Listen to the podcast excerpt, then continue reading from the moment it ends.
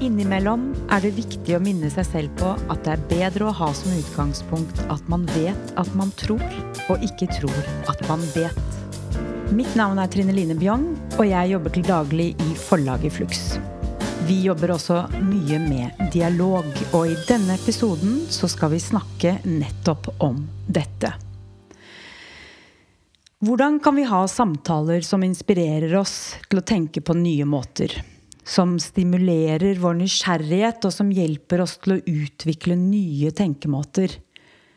Ja, hvordan skal vi egentlig snakke og påvirke i familier, lokalsamfunn og verden? Flux vil bidra til ny innsikt. Og i dag så har jeg med meg Christian Valentiner som har fasilitert dialog, samlinger og grupper og kurs de siste ti årene, eller kanskje vel så det. Han jobber nå med innovasjon og organisasjonsutvikling i Nordkonsult, samtidig som han også er med på oppdrag for Flux Dialog som fasilitator. Hei, Kristian. Hei. og jeg, jeg, kjenner jo deg ganske godt, mm -hmm. for vi er også gift. Jeg syns det er greit. Det pleier vi å si også når vi har grupper sammen. For det er jo nettopp det vi skal snakke om. Vårt arbeid med dialog. Mm. Hmm. Så altså, i Flux så har jo vi hatt to temaer som vi har vært opptatt av helt siden vi begynte i Når var det? 92. Og det ene ordet er bevissthet. Hvor er det? Er det inni oss? Er det utenfor? Er det overalt? Um, og hvordan forholder vi oss til det? Og dialog. Mm. Og uh, i begynnelsen så var vi nok inspirert av fysikeren David Bohm, som vi også har noen bøker av på forlaget. Uh, og han startet jo noen samtalegrupper. Uh, og han gjorde vel det også fordi han hadde erfart bl.a. at Einstein og Bohr praktisk talt, som da var to andre kjente vitenskapsmenn. Eh, de var ikke i stand til å kommunisere med hverandre. Eh, og jeg tror også på et tidspunkt at han ble eh, slet med depresjon og begynte å gå i samtalegrupper. Og begynte å se sammenhengen mellom kvantefysikk og kommunikasjon at alt henger sammen. Så han gikk jo mer ut ifra å begynne å se alt som en helhet, istedenfor å stykke det opp. Som vi ofte gjør. Dette med fragmentering, som David Bohm kanskje har tatt med seg inn i dialog. Jeg tenker at vi kommer til å ha dette mer som en samtale, men allikevel så blir det jeg som stiller deg spørsmålene, i hvert fall i begynnelsen. Mm -hmm. eh, og jeg har veldig lyst til å høre med deg hva inspirerte deg i din oppvekst, barndom, oppvekst, tidlig ungdomsår? Hvor fant du inspirasjon? Um, jeg fant mye inspirasjon i tegneserier. Um, jeg tror tegneserier har vært en sentral del av min, min barndom og min oppvekst. Og faktisk en kilde, kilde til um, informasjon, lærdom, kunnskap. Uh, tegneserier som Tintin og Asterix, uh, hvor du lærer geografi, historie. Uh, tegneserier som var bygget opp rundt vitenskap, om rakettforskning, månelandinger osv. Inntil jeg senere gikk over i bøker. Men min nysgjerrighet for å være godt orientert på mange områder har vært en stor inspirasjonskilde i min barndom. og også senere uh, i, i, livet der jeg vil gjerne vite Jeg vil gjerne vite litt om mye. Fordi det er noe med å kunne sette sammen bildet, og, og jeg ser også hvordan det relaterer seg til, til å delta i dialog. Ja, fordi når du sier dette med tegneserier, så er det akkurat det som dukker opp for meg. At tegneserier er jo ofte ikke så mye språk i hver boble eller i hvert vindu av et bilde, og så er du veldig visuelt. Så det er jo en fin måte å lære på. Mm. Og da blir jeg jo nysgjerrig på hva er det som gjør at du sammenligner det med dialogarbeid? Um, det er kanskje ikke så mye hva skal man si, dialogen som foregår i tegneserien. Mer det at uh, det å koble ulike biter av informasjon sammen til nye måter å se ting på. Så det der med at man samler litt opp om en månelanding, og noe opp om noe kjemi, og noe opp om noe historie, og plutselig så gjør de tre komponentene noe helt nytt når man prøver å se det i sammenheng. Mm. Og den kobling og, og mat, hva skal vi si, martingen fra tegneseriene, både gjennom det teksten, men også det visuelle, øh, hjalp meg til å koble mange ting tidlig, og som jeg fremdeles i dag henter frem som paratviten, og kan bruke i samtaler, kan bruke i dialoger. Uh, uten at egentlig vet hvor det kommer fra, annet enn sannsynligvis fra en tegneserie i min barndom. Mm. Inspirasjon. Mm, inspirasjon, ja. Mm. mm. Så det er spennende uh, at du ser på det med tegneserier som en, en, overgang eller en bro inn til dialog. Men, og, så da vil vel jo egentlig si at interessen for dialog på en måte ble vekket allerede ganske tidlig, men du ble klar over du ble kanskje klar over det når du startet å jobbe direkte med dialog. Kan du fortelle litt mer om hvorfor du startet å jobbe med det? Hvor kom interessen fra? Ja, altså, jeg, jeg tror dialogbegrepet, øh, sånn som vi skal inn på å snakke om det i dag, blir jeg vel egentlig først kjent med når jeg også ble kjent med Flux. Øh, og, og det Flux står for, som du, står for, som du sa, med bevissthet og, og dialog. Og begynne å se hva betyr det egentlig. Men det med, i, det med å ha gode samtaler har jeg alltid vært opptatt av. Gode samtaler med venner rundt et middagsbord hvor, hvor fire timer forsvinner uten, uh, uten, at man har tenkt over det. Det handler ikke om maten og vinen, men det handler om at du vever deg inn og ut av ulike tråder i samtaler har vært, har vært viktig. Men jeg tror det andre, for å koble til, øh, til, til det du begynte med tegneserien, handler jo om å ta mange komponenter som er atskilt, og prøve å se sammenhengene mellom dem. For alt ja, Etter hvert så kan man finne sammenhenger mellom alt. Og det er jo det som jeg tenker er, er nyttig i denne både polariserte og fragmenterte verden som vi lever i, hvor man prøver å bryte ned til små deler som man ikke ser sammenhengen til andre deler, for å prøve å forstå det istedenfor å prøve å se på sammenhengene. Så det vil si at øh, du etter hvert har det enklere med å se sammenhenger i situasjoner hvor det kanskje virker ganske konfliktfylt, eller at folk ikke snakker samme språk eller er på forskjellige sider? Eller er det mer en holdning til livet generelt? Altså, jeg opplever litt som det at jeg er levert på planeten her med den koding om å prøve å søke sammenheng eller se helhet. Okay. Øh, jeg har et hode som velter hvis jeg får for mange detaljer. Så jeg vil egentlig heller ha få detaljer, prøve å koble de inn i en større sammenheng enn noe annet. Og det jeg opplever, er når man ser du nevnte ordet konflikter eller steder hvor det er spenninger eller noe annet. Hvordan kan vi bevege spenninger fra låste situasjoner i en polarisering hvor det er ja eller nei eller svart eller hvitt, inn til å se at det er uh, Fifty Shades of Grey mellom det svarte og det hvite. Eller det finnes en hel rekke alternativer mellom bare ja og bare nei. Uh, de fleste konflikter uh, opplever jeg har jo oppstått i at man har låst seg fast i en, oppfall, en av situasjonen og tviholder på den.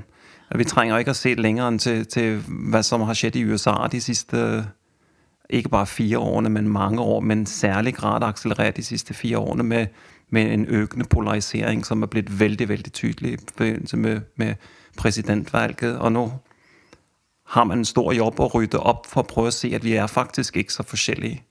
Um, ser de Joe Bidens språkbruk nå? Hvordan han ønsker å bygge bro øh, mellom disse to polariseringene. Og det er jo det jeg mener dialog er en, øh, en, en vei til. Ja. Er å bygge bro mellom det man tror er ulike oppfattelser, inntil man innser at vi har mer til felles enn vi, vi, øh, enn det motsatte. Ja, og jeg, jeg tror også at uh det jeg erfarer med arbeidet rundt dialog, er også at alle stemmer blir hørt. Og mm, når du refererer til USA, eh, og at det var så mange som fremdeles ville ha Trump videre som mm. president, mm. viser at det er veldig mye som burde tas hensyn til i den kommunikasjonen eller den samtalen eller den fortellingen USA nå skal fortsette på. Eh, og der opplever jeg at dialog kan være veldig nyttig. At alle stemmer skal bli hørt. Um, og da uh, kan vi ikke prøve å gå uh, til det å definere dialog. Jeg tenkte sammen, samme. Nå bemerker jeg at vi har brukt ordet minst 30 ganger uten å si hva vi legger i det. Ja. For, fordi når vi har kjørt kurs eller utviklingsprogrammer eller vært inne i organisasjoner og jobbet med dialog, så er det jo en av de ting vi gjør først. Det er å definere hva mener vi egentlig med dialog. Fordi det er mange oppfattelser av det. Og så ble det stille. Nei, jeg, jeg tenker bare at uh, en, en, en, uh, en av de ting vi hører når vi spør hva er egentlig dialog, det er det vi tenker på fra et teater øh, eller, eller teaterstykker, at det er en dialog, det er en samtale mellom to mennesker. Um, og det er jo Det kan være dialog, men ikke måten vi, vi snakker om, om det på. Det er heller ikke nødvendigvis det motsatte av en monolog. En monolog er enetale, men dialog betyr ikke at, at det er to som taler, men det betyr noe annet. Um, opprinnelsen av ordet er jo fra gresk. Dia logos, og dia betyr gjennom. Og logos betyr ord eller mening. Så det er gjennom meningen, det er gjennom flyten av ord, at vi skaper en større felles forståelse. Og det er i hvert fall min det er, min, det er essensen av det arbeidet som, som vi gjør, tenker jeg, med, med dialog. Og jeg, og da, jeg syns også at vi blir bedre og bedre på at vi eh, jobber frem mening. Altså en strøm av mening. Hva er meningen som ligger her? Fordi øh, jo mer vi jobber med ord, eh, jo mer blir jeg bevisst at ord har en enorm makt. Og noen ganger så er vi nødt til å legge ordene helt til side og jobbe med den kommunikasjonen som er ordløs, og allikevel veldig til stede. Ja. Og vi har jo ordet mening, som er en utfordring i seg selv på norsk øh, og på dansk for den saks skyld også. Altså ordet mening har jo to ulike betydninger, som vi ikke kan skille på i språket. Det, det ene det er at du har et synspunkt, en mening om noe. Men mening, som i engelske mening, altså forståelsen av noe, er det vi søker etter i dialogen. Det er selvfølgelig synspunktene av innspill, men det er den felles forståelse, en, en dypere mening med noe. Se et større bilde, se en større helhet, se flere sammenhenger. øh, Vi er ute etter øh, rent essensielt i dialog.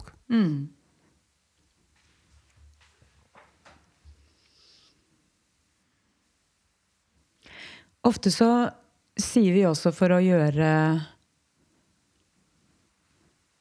det klarere hva dialog er, noe om diskusjon og noe om debatt og noe om dialog. Og forskjellene, da. Eh, alle er nok viktige. Og vi er kanskje mest vant til diskusjon og debatt. Og kanskje har også mange en opplevelse at dialog kan være litt eh, eh, Litt kjedelig. Kanskje litt lite liv i det, litt lite edge. Altså at diskusjon og debatt, da får du liksom noe igjen, og du sitter og du har mye ja, meningsflyt på en måte, da. Men det er hele tiden noen som går imot hverandre. Du, vi vet jo hva det betyr også der. Jeg vet, husker aldri om det er gresk eller latinsk, men eh, eh, debattere betyr å slå ned, ikke sant? Og diskutere betyr å rive i stykker. Og dialog eh, ligger mer i en strøm av mening, eller det å prøve å skape et fellesskap. Jeg tror, det som er viktig i, i, disse Alle disse er jo ulike modus man kan kommunisere i. Og det er ikke noe av det som er rett eller galt, men det handler om når trenger jeg å bruke hva. I hvilke situasjoner er, er debatt det riktige, og hvornår er det ikke det riktige.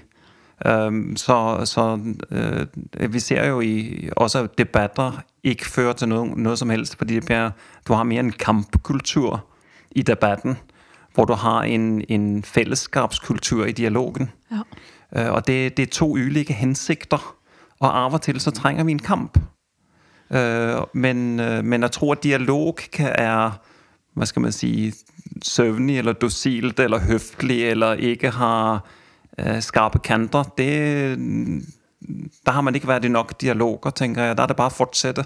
Fordi der er plass til alt i dialogen, men den må rumme den må rumme intensjonen om å bli dialog, og intensjonen om å prøve å finne sammenhenger, få en større felles forståelse. Ikke nødvendigvis komme til enighet eller, eller konklusjoner eller fasit, for det er, ikke, det er dialogen ikke best til.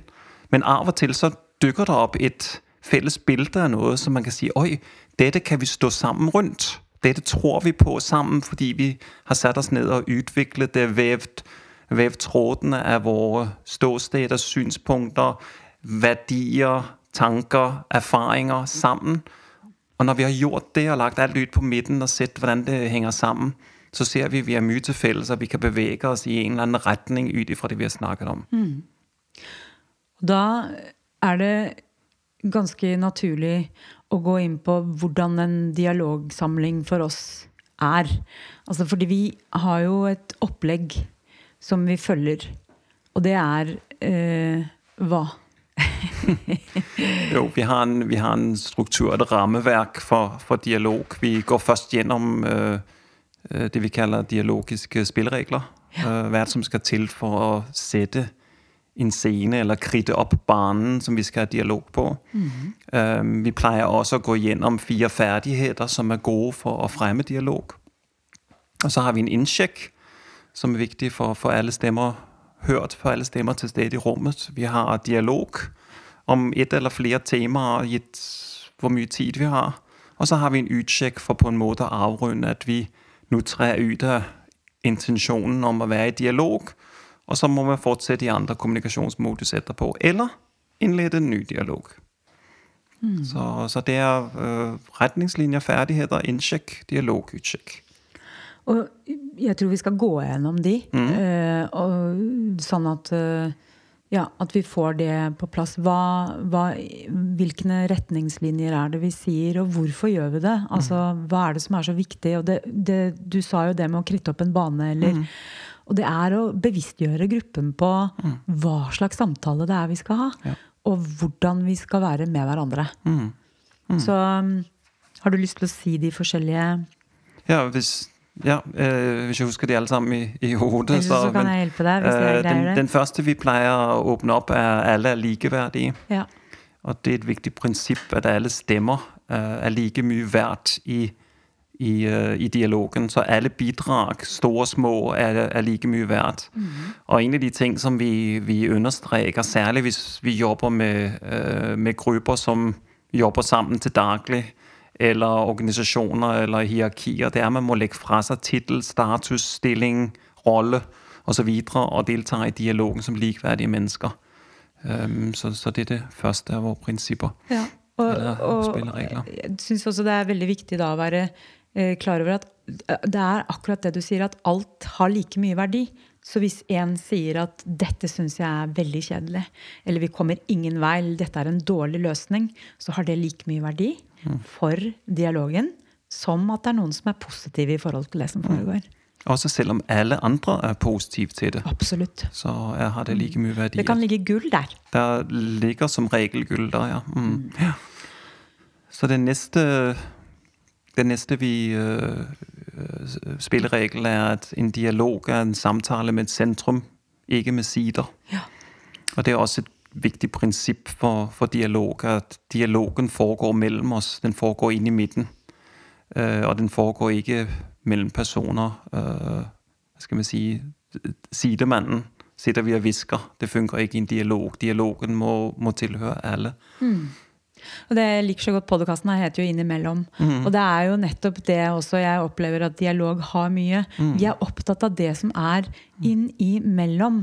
Noen ganger så er det ikke det å faktisk se direkte på menneskene, men å se på det som skjer mm. mellom mm. menneskene. Og mm. du har også et godt bilde eh, på hva det vil si å snakke til sentrum, som du nevnte ja, i sted. Ja.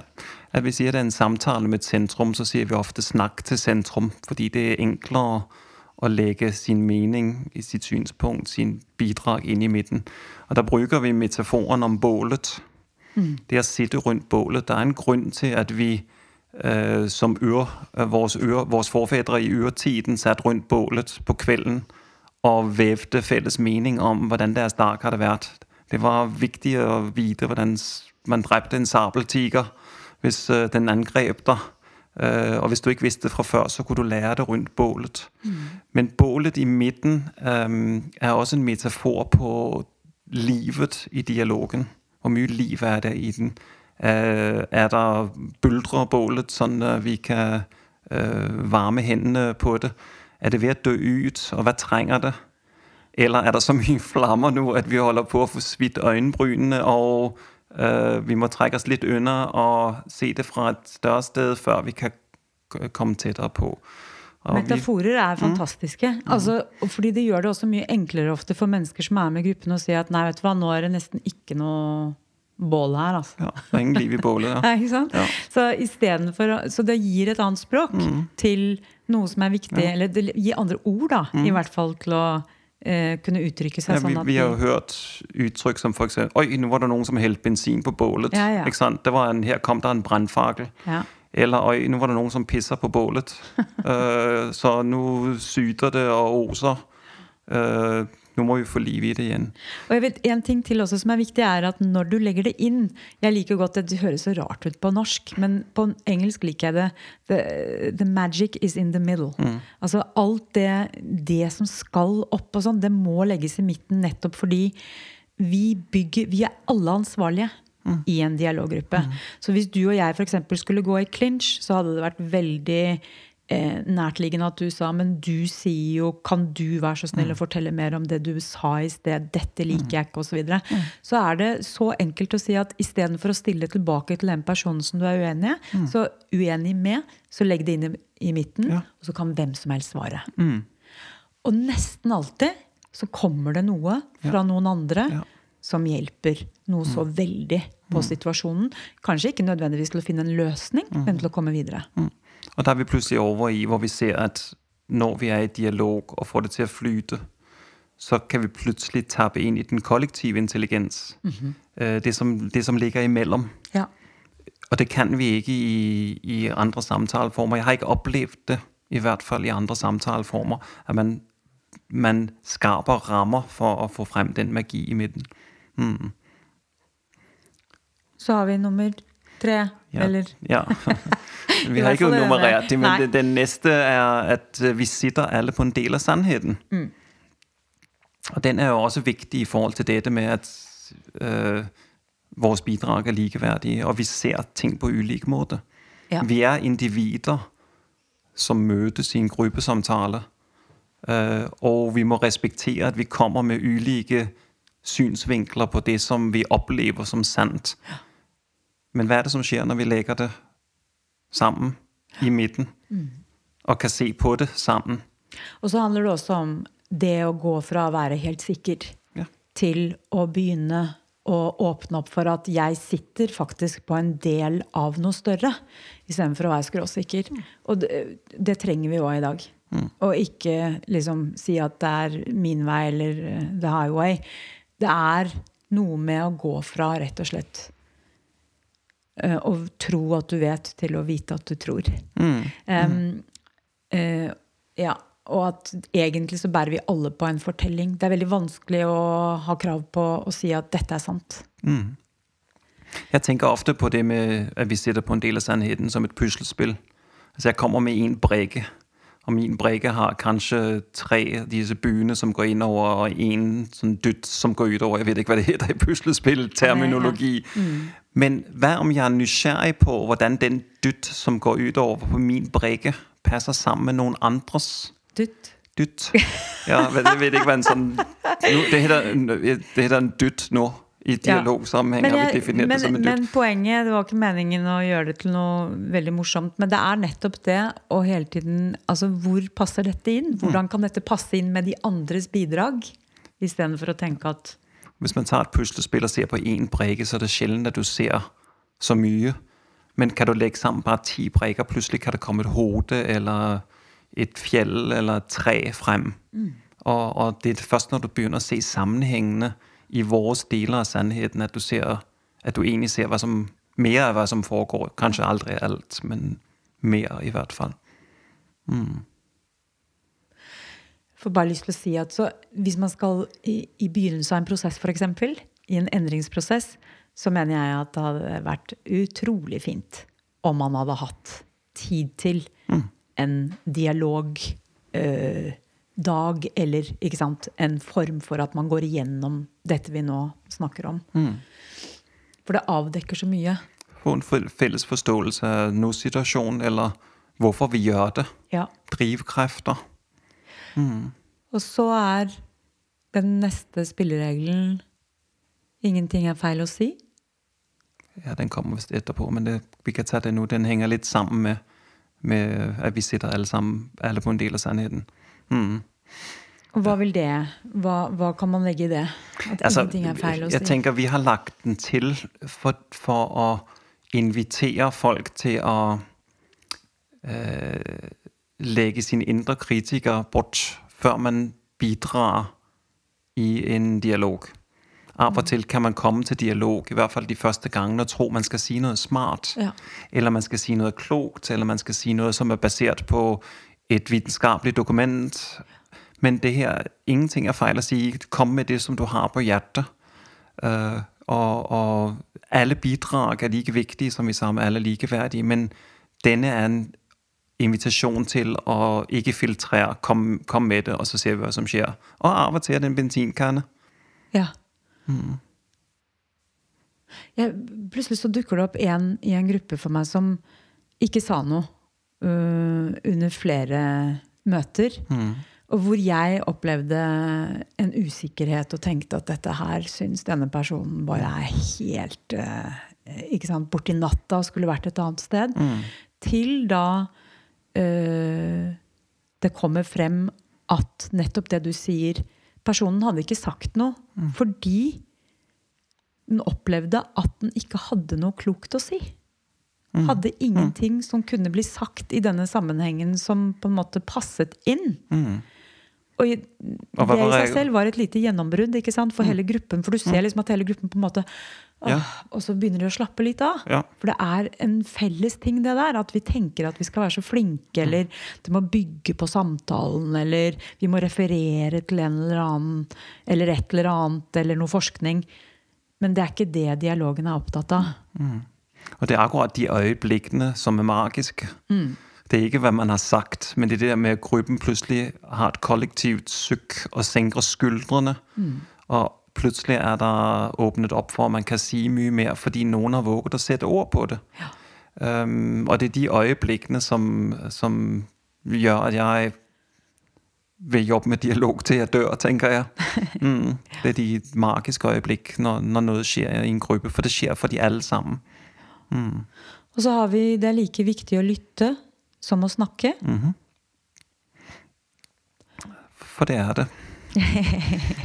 um, jeg tenker i mange av våre hverdagskommunikasjonsformer så har vi travelt med alltid skulle få sagt det vi skal si, og vi lytter ikke ferdig til hva som har blitt sagt. Uh, vi sitter og holder på vår egen mening og tenker nå det, hvornår er det min tur. Uh, vi snakker i munnen på hverandre. Um, den kommer vi til. Det er en som snakker, kun en som snakker om gangen. Men, men det med hvor det er like viktig å lytte som å snakke, det er uh, også en invitasjon til to ting for meg. Det ene er å være bevisst på at man skal lytte like mye som man snakker eller mer. Det andre er invitasjonen til de som foretrekker å lytte. At de også er velkomne i dialog. Det trenger ikke kun være de som har, er taletrengte, som skal møtes i dialog for å få tømt seg. Fordi hvis ikke det er noen som lytter, så, så skjer det lite i dialog, uh, i forhold til min erfaring i hvert fall. Så invitasjonen av at du har lov å være her hvis du foretrekker å hovedsakelig å lytte. Og en samtale kan ikke bli god hvis det ikke er en som lytter. Nei, Hvis du er to eller flere. Det er helt uh... Nei da blir det seriemonologer, ikke sant. Så, og, det, og da er vi litt tilbake til dette med dialog og debatt. Der er det på en måte kanskje lite lytting. Ofte, i hvert fall. Ja. Jeg, ofte så er det mer å stå på det man selv, og du nesten ikke hører inn engang på hva andre sier, for du skal bare frem med din sak. Ofte. Jeg sier ikke alltid. Men jeg tenker, jeg tenker at du, du lytter i hvert fall ikke på hva der egentlig blir sagt. Du lytter etter et, en ting du kan ta den andre på Ja. for å vinne poenget. ja. Og det er ikke det dialog handler om. Her handler det om å lytte for å forstå og for å kunne sette det i Koble det med andre ting, sette det i større sammenheng. Og eh, det er noe mange opplever at de tror de er gode på. Og så begynner de å erfare at vet du hva, jeg har ganske mye å lære rundt det å lytte. Og så, Du sa det jo så vidt nå. Ja. Det er en som snakker om gangen. Ja. Er en veldig praktisk regel. Ja. Særlig når man skal øh, prøve å skape rom for å lytte. Apropos det du sa om, om at vi egentlig oppdager at vi tror vi er gode til å lytte, men ikke er det. Ja. Og du vil ikke dermed si at en dialog alltid da liksom går Det er veldig bra å ha den, fordi ofte så kan det bli puls. Eh, bålet eh, brenner godt. Og da er det viktig å på en måte si, og gå tilbake til disse spillereglene og si uh, Husk nå på at det er en som snakker om gangen. For at man skal være til stede og faktisk lytte til det den som snakker. Og høre det. Lytte på det. Lytte på det. Mm. Og gjerne en liten pause også etter, som vi sier, ikke sant? Mm. den siste er at alt som skjer i dialogen, blir i dialogen. Ja. Og den er viktig for å skape trygghet i grupper, for at man kan snakke om det som man virkelig trenger å snakke om. Um, det er jo ikke alltid at det blir så dypt eller så vanskelig med dialog, men av og til så pirker vi jo bort i ting hvor det er viktig at gruppen øh, har en avtale om at det her går vi ikke og snakker om, om videre utenfor. Og her er der igjen peker, en peker tilbake til et av grunnprinsippene for dialog. Det er det her med å se ting i sammenheng. Og Hvis vi forestiller oss vi har et dialog i et møte på et, i en virksomhet i en time, og, og er kommet til en, en felles forståelse, en konsensus rundt et eller annet tema. Og så går øh, en av deltakerne ut til kaffemaskinen og snakker med en kollega og sier du vet hva hun sa i møtet nå. Og det, det ene fragment av et stort, stor samtale som har foregått i en hel time mellom mange mennesker, blir tatt ut av sammenhengen igjen.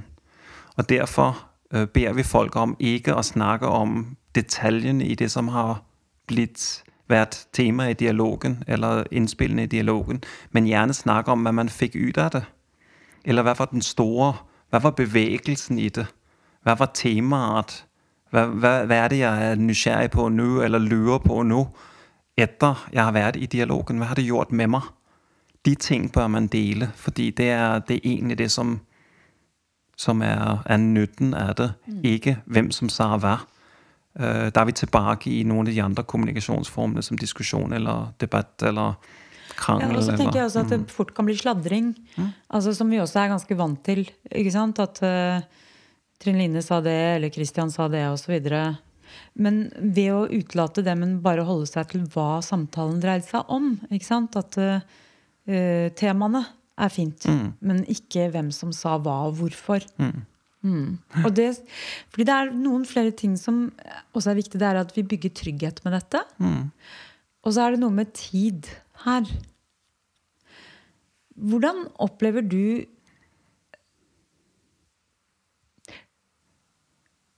tid og dialog?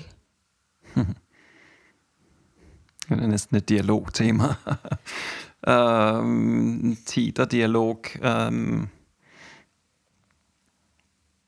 der, der, er et, der, er jo alltid en tidsramme som regel man har til å ha dialog, så det gjelder å gjøre det best mulig ut av det. Men et, et råd er å ha god nok tid til dialog. Det som skjer, er at hvis man kan få satt rammene for dialog på en god måte, så oppleves øh, For meg oppleves tiden som mer fraværende. Det, det blir tidløst. Vi er i et rom, i et vakuum, hvor, hvor det skjer ting, men uten at, øh, uten at det handler om klokken eller effektivitet eller øh, øh, mange av de andre ting som er knyttet opp til tidsmåling i, i vår kultur. Og for meg så er det veldig viktig at dialog er ikke noe quick fix. Det er ikke Altså, jeg skulle gjerne ønske det at vi møttes for to og en halv time, og så visste vi hva dette gikk ut på. Og mange ganger så opplever jeg at jeg kan føle at det er på vei utfor fordi vi ikke får til noe. Kanskje eh, etter fem timer, seks timer. Men så vet jeg nå av erfaring at det tar tid. Mm. så, så jeg vil nok også si at eh, å bygge noe dialogisk, det tar tid. Det gjør det, og det er litt tilbake til, til dette med at dialog er en, en strøm av mening. En strøm stopper ikke. Altså, en, en, en elv stopper ikke. Den kan tørke ut, men så kommer det regn, så blir det mer strøm. Du kan demme den opp, men et eller annet sted må vi slippe vannet ut, ellers så renner det over. Så du, du kan ikke stoppe strømmen. Men dialogen ser på Hvis, vi, hvis, hvis, hvis meningen er en elv, så dialogen vi, vi lager, er et sted hvor vi leder elven inn i en dam og er med vannet en stund Ja. mens det beveger seg gjennom dammen og videre ned i elven. Men, men den, vil, den vil fortsette å bevege seg. Så derfor er det viktig å få med seg hva er det egentlig folk tar med seg ut av en dialog, for å kunne ta det med seg videre inn i den, det som egentlig er den neste dialog med din omverden, hvis du går på trikken eller skal møte en annen gruppe mennesker som din familie til middag etter du har vært i et møte hvor formen har vært dialog. Så du beveger deg hele tiden i det. Ja, fordi det er jo uh, dette ordet prosess, da. Men det er jo prosessarbeid. Og det er jo ikke det at det slutter uh, etter et endt møte. Det er jo gjerne uh, Hvis du er i, i en dialoggruppe som møtes med jevne mellomrom, så er jo disse mellomrommene, det som skjer igjen innimellom møtene, det nesten aller viktigste. Og det er også sånn som vi har erfart noen ganger, at vi har kunnet gå fra grupper som har vært kanskje et sted som vi syns har vært vanskelig eh, å slippe. Eh, og så ser vi at på en eller annen måte så har det skapt en orden i neste møte. Og at det på en måte har trengt tid og noe prosessering da, som gjør at det skjer noe nytt. Da, dette med fasilitator, altså, det er også et ord som vi noen ganger, eh, eller flere ganger, får Hva er det egentlig? Hvilken rolle har en fasilitator i en dialoggruppe? Ja, Nå har vi vel ikke nevnt ordet facilitator i samtalen her helt, øh, helt ennå. Men å facilitere betyr jo å gjøre ting enkelt. Øh, folk kjenner kanskje det franske ordet facile, lett eller enkelt. Øh, facile på, på italiensk. Um, så å facilitere betyr å gjøre, gjøre ting enklere for de som man faciliterer. Legge til rette for de som man, man faciliterer. Og vi jobber jo ofte som fasilitatorer av dialog. Vil si, vi hjelper til å legge til rette for de riktige rammer for at dialogen kan foregå i forhold til sin hensikt. Og trekker også tilbake til disse spillereglene hvis vi ser at det er noe som på en måte går veldig bort ifra det.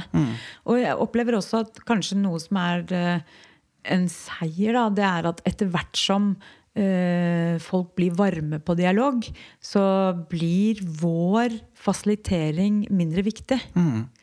Fordi det, det, det skaper en felles ansvarliggjøring av gruppen til å på en måte uh, balansere det som skjer. Så plutselig så kan vi sitte der, og så mm, tar folk uh, Ja. uh, ansvar på en annen måte som gruppe.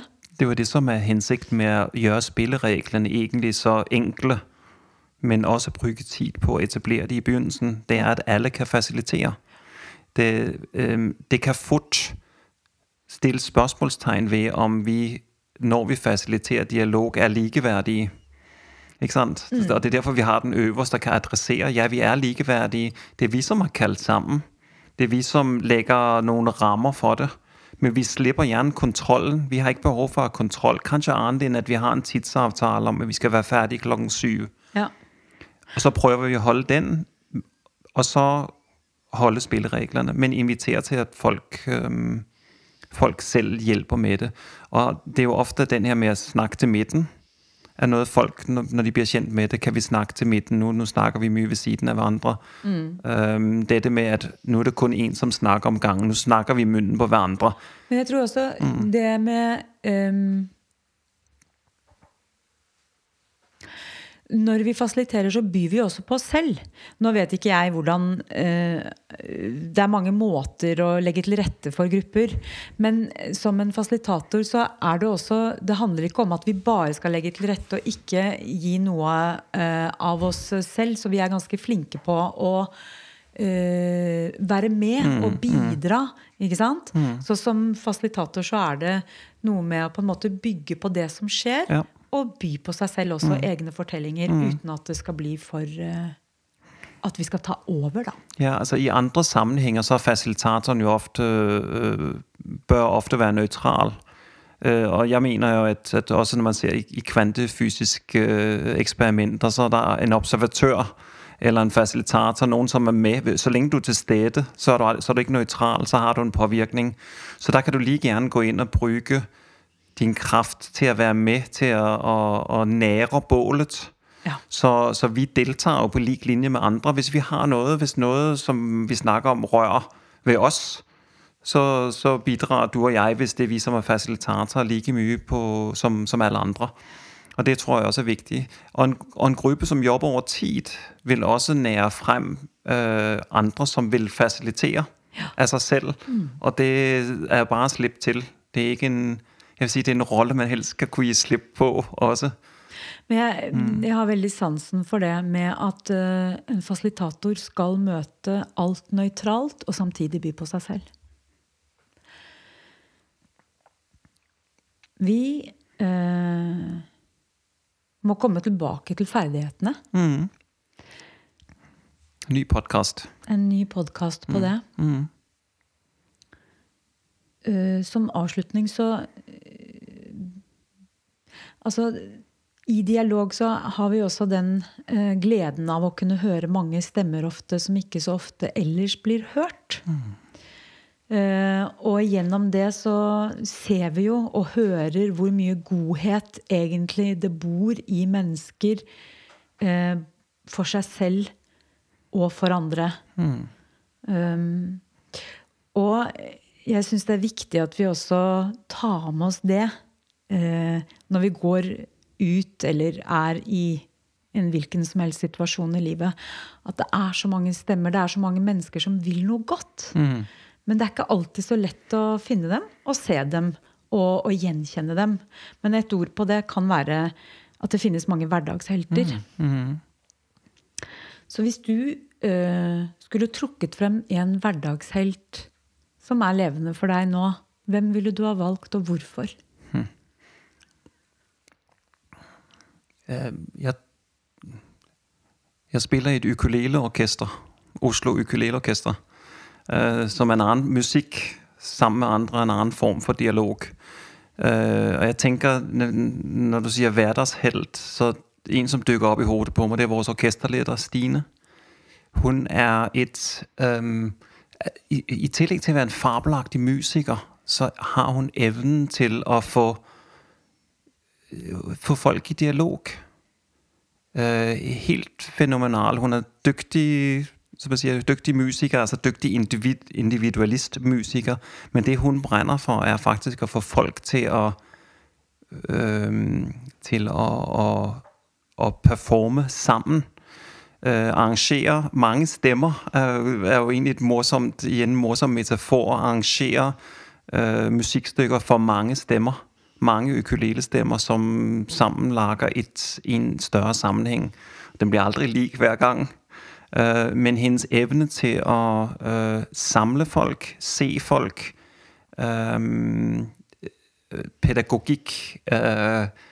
øh, tålmodighet er rett og slett en, noen, noen kvaliteter som jeg ville sagt at en hverdagshelt, øh, hverdagshelt burde ha. Så hun er også en person som inspirerer meg i, i det daglige. Mm. Vi trenger mange Stiner. Mm, det mm. gjør vi faktisk. Skulle gjerne klone henne. Ok, Tusen takk for samtalen, Christian. Ja, takk Vi snakkes igjen.